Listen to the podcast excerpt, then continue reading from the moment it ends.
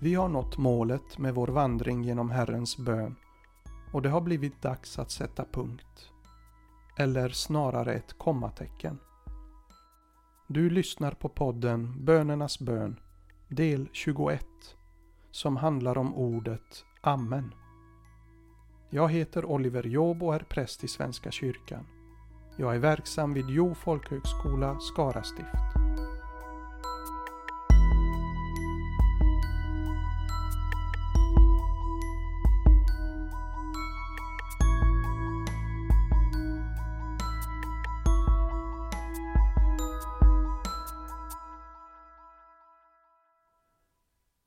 Viktigt med avslutningar. En bra avslutning ger ett gott minne av det som varit och en hjälp att möta framtiden. Avslutningen är en del av helheten, inte något separat som kommer efteråt. Många kyrkliga musikverk avslutas med ett storslaget Amen, som är en viktig del av verket. Slutet ger en klang som lyssnaren bär med sig. I slutet på Herrens bön säger vi också Amen som en viktig avslutning. Detta ord är i sig självt en bön. En bön om att Gud ska ta hand om allt som vi har bett om. Med detta ord bekräftar vi vår önskan att bönen ska förverkligas hos oss. Till varje del av bönen kan vi koppla ordet Amen. Låt ditt namn bli helgat. Amen. Låt ditt rike komma. Amen. Låt din vilja ske. Amen. Och rädda oss från det onda. Amen. Vi ber Gud ta hand om allt detta, lägger allt vi har bett om i hans hand. Ordet Amen kommer från hebreiskan och betyder säkert, verkligen, sannerligen. I Gamla testamentet hör vi det uttalas av människor som en högtidlig bekräftelse inför Gud. Vanligast är att folket eller församlingen stämmer in i en lovprisning genom att svara Amen. Ibland förstärks det genom att det sägs två gånger. Saltaren i Gamla testamentet är indelat i fem böcker. De fyra första böckerna avslutas med en lovprisning som folket uppmanas att besvara med Amen. Så låter det i slutet av Saltaren 41 som är första bokens sista psalm. Lovad vare Herren, Israels Gud, från evighet till evighet. Amen, amen. Bruket av amen fortsatte i de kristna församlingarna i samband med bön och lovprisning och därmed inte minst i gudstjänsten. Det kan vi avläsa av de nytestamentliga breven där lovprisningar ofta avslutas med amen. Romarbrevets sista vers lyder Den Gud som ensam är vis tillhör härligheten genom Jesus Kristus i evighet. Amen. Avslutningar i livet kan vara tunga och svåra eller lätta och befriande. I varje fall kan det vara viktigt att få till ordentliga, goda avslut. Att stanna upp, lyfta blicken för att se tillbaka kan ge oss viss överblick över våra flyktiga och komplicerade liv. Gud vill skänka oss en livsrytm med hjälp av bön, gudstjänst och kyrkoåret med dess högtider. Inför Gud får vi bli stilla efter en dag, efter en vecka, i slutet av en fastetid eller när ett år går mot sitt slut. Ensamma eller tillsammans kan vi i bön tacka Gud för allt gott som vi har fått ta emot. Vi får möjlighet att lägga av oss bördor som vi bär på. Vi får hjälp att uppmärksamma brister och felsteg och be om förlåt. Att bära med sig bördor under lång tid och ta emot nya som kommer till hela tiden är inte hälsosamt. Ibland behöver vi få lämna saker bakom, dra ett streck, säga amen. På vissa områden räcker det att stanna upp, tänka efter, ta ett beslut om att lämna saker därhän och gå vidare. På andra områden kan vi upptäcka att det behövs samtal med någon innan det kan bli ett helhjärtat amen. När vi väl säger vårt amen får vi lita på att Gud tar hand om det som varit. Vi behöver inte bära det förgångna själva. Att i bön lägga en avklarad etapp av livsvägen i Guds händer, det är det bästa avslut vi kan få.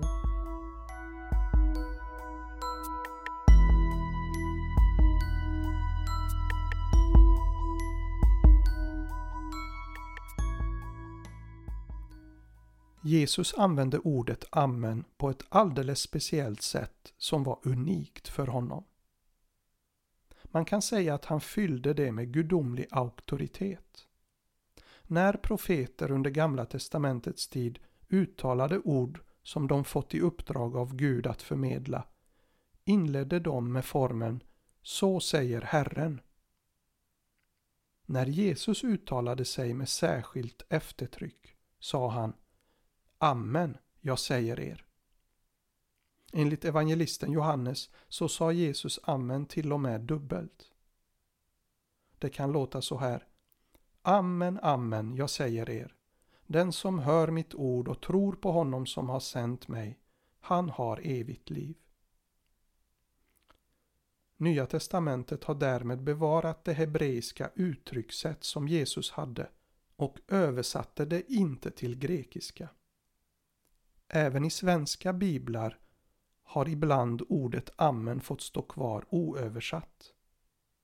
I Bibel 2000 finner vi ordet sannerligen medan folkbibeln väljer översättningen Jag säger er sanningen. Att Jesus inledde viktiga utsagor med amen var både ett tecken på hans fullmakt och en pedagogisk betoning. Dessa meningar skulle lärjungarna verkligen lägga på minnet. Det blev så som Jesus hade avsett. Markeringarna med amen har följt med ända till nedtecknandet av dessa satser. Intressant nog har just dessa utsagor en särskilt tydlig semitisk prägel, det vill säga de bär uppenbara spår av att vara översatta från hebreiska eller arameiska som Jesus talade vilket tyder på att de verkligen kommer från Jesus själv. När vi alltså säger Amen efter Herrens bön och andra böner så kan vi tänka på att det har laddats med Jesu makt och pålitlighet. Vi kan se det som en särskild gåva från Jesus. Att säga Amen efter Herrens bön betonar att vi ber den i Jesu namn. Det blir som en gudomlig underskrift som gör att bönen gäller. När vi uttalar detta gör vi det alltså med en fullmakt som Jesus har skänkt till sina lärjungar, till sin kyrka på jorden. Inte som något magiskt uttryck, som en trolleriformel, utan något som vi får använda oss av i förbindelse med honom, som Guds barn och Jesu medarbetare. Denna relation utmanas ibland som vi vet på grund av våra mänskliga tillkortakommanden. Vi angrips i vår tro utifrån av ifrågasättanden, inifrån av tveksamhet och tvivel. Det är lätt att tappa tilliten som människa. Att inte tro att vår bön når fram till Gud eller att han inte lyssnar på våra önskemål. Vårt amen försvagas. Ordet osannolikt känns i vissa perioder mer passande än sannerligen. Så var det redan på Bibelns tid. Många har haft svårt att säga sitt amen till Guds löften. Sara som log åt löftet om att hon på äldre dagar skulle föda en son. Sakarias som tvekade inför ängelns löfte om att Johannes döparen skulle födas. Eller aposteln Thomas som inte litade på Jesu ord och sina kamraters vittnesbörd om Jesu uppståndelse. Det är inte alltid möjligt för oss att säga ett trosvisst amen. Ibland när vi vandrar i motgångarnas mörka dal som när vi känner oss utanför och föraktade. När vi eller våra nära får gå in i sjukdomens mörker så kan vårt amen bli väldigt flämtande och svagt. Då får vi påminna oss om att det inte är vår föreställningsförmåga det beror på. Hur kraftigt vi kan berätta för Gud vad han ska göra. Det är inte vår styrka som är avgörande, utan Jesus styrka. Han fyller vårt amen med sin sanning, sitt liv och sin gudomliga bekräftelse. Paulus skriver Ty alla Guds löften har fått sitt ja genom honom. Därför säger vi också genom honom vårt amen, Gud till ära. Det är Jesus det beror på. Han som kom som den stora uppfyllelsen av alla gammaltestamentliga löften. Han som var pålitlig ända till döden på korset. Där han till sist kunde avsluta sitt verk med att säga Det är fullbordat. Därför får vi säga vårt amen trots allt. Lita på att det bär för Jesus skull. Lita på att det amen han har gett oss är verksamt som en bekräftelse av våra böner.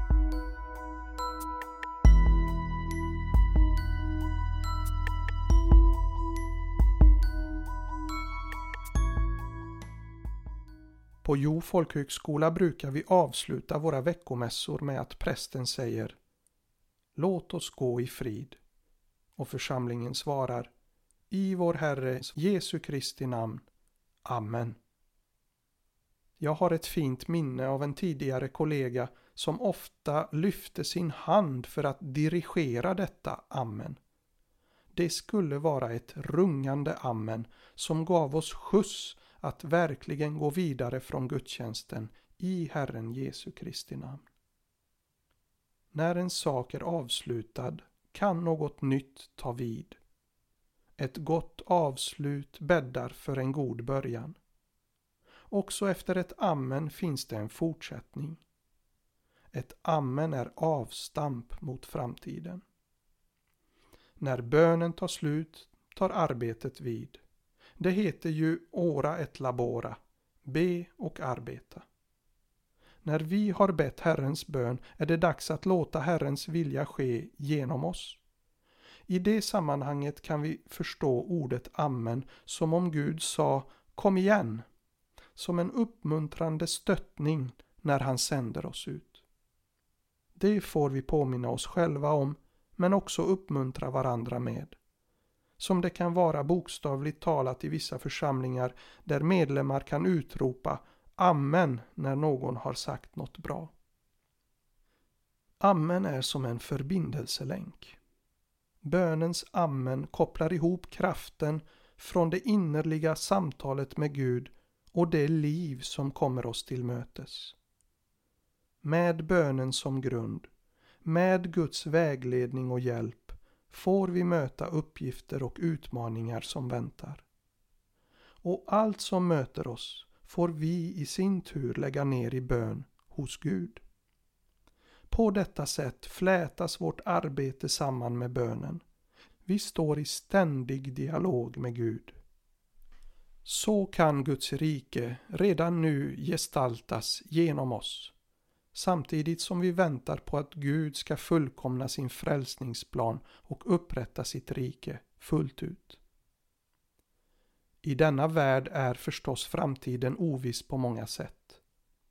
Säkert är att avslut följer på avslut, avsked på avsked. Därför är det så viktigt att dessa får bli goda. Att vi bereder oss på att säga amen med allt vad det står för av tacksamhet, försoning, överlåtelse och hopp. För till sist bär ordet också på evighetshopp. Kyrkans amen har alltid en fortsättning. Till och med när det uttalas på en begravning. Och inte minst då. Därför är det givet att amen förekommer i Bibelns sista bok, Uppenbarelseboken. När vi närmar oss slutet så hör vi hur amen ljuder tillsammans med halleluja i den himmelska lovsången. Och de 24 äldste och de fyra varelserna föll ner och tillbad Gud som sitter på tronen och sa Amen, halleluja. När vi sedan når de allra sista orden i Bibeln så får vi en bekräftelse på att Amen alltid har en fortsättning. Amen är inte sista ordet i Bibeln, bara nästan. Innan själva sluthälsningen står det Amen, kom Herre Jesus. Med Jesus finns det en fortsättning bortom allt mörker, bortom döden. För Jesus skull får vi hoppas på uppståndelsen och det eviga livet. För att Jesus har uppstått och lovat att komma tillbaka får vi ha ett framtidshopp. Amen. Kom Herre Jesus. Det är en god avslutning. En riktig avslutning som bjuder in Jesus att ta hand om det som varit. Som bjuder in Jesus att ge kraft åt våra böner idag. Sannerligen, låt det ske. Och ett avstamp som bjuder in Jesus för att ge oss hopp inför all framtid. Amen. Kom Herre Jesus.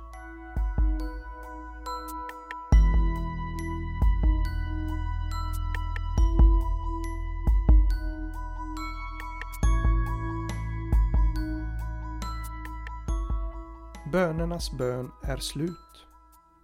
Tack till Magnus Nordqvist för alla samtal. Tack till Katalin Földersi för goda råd under arbetet. Och tack till Josef Rimshult för musiken i podden.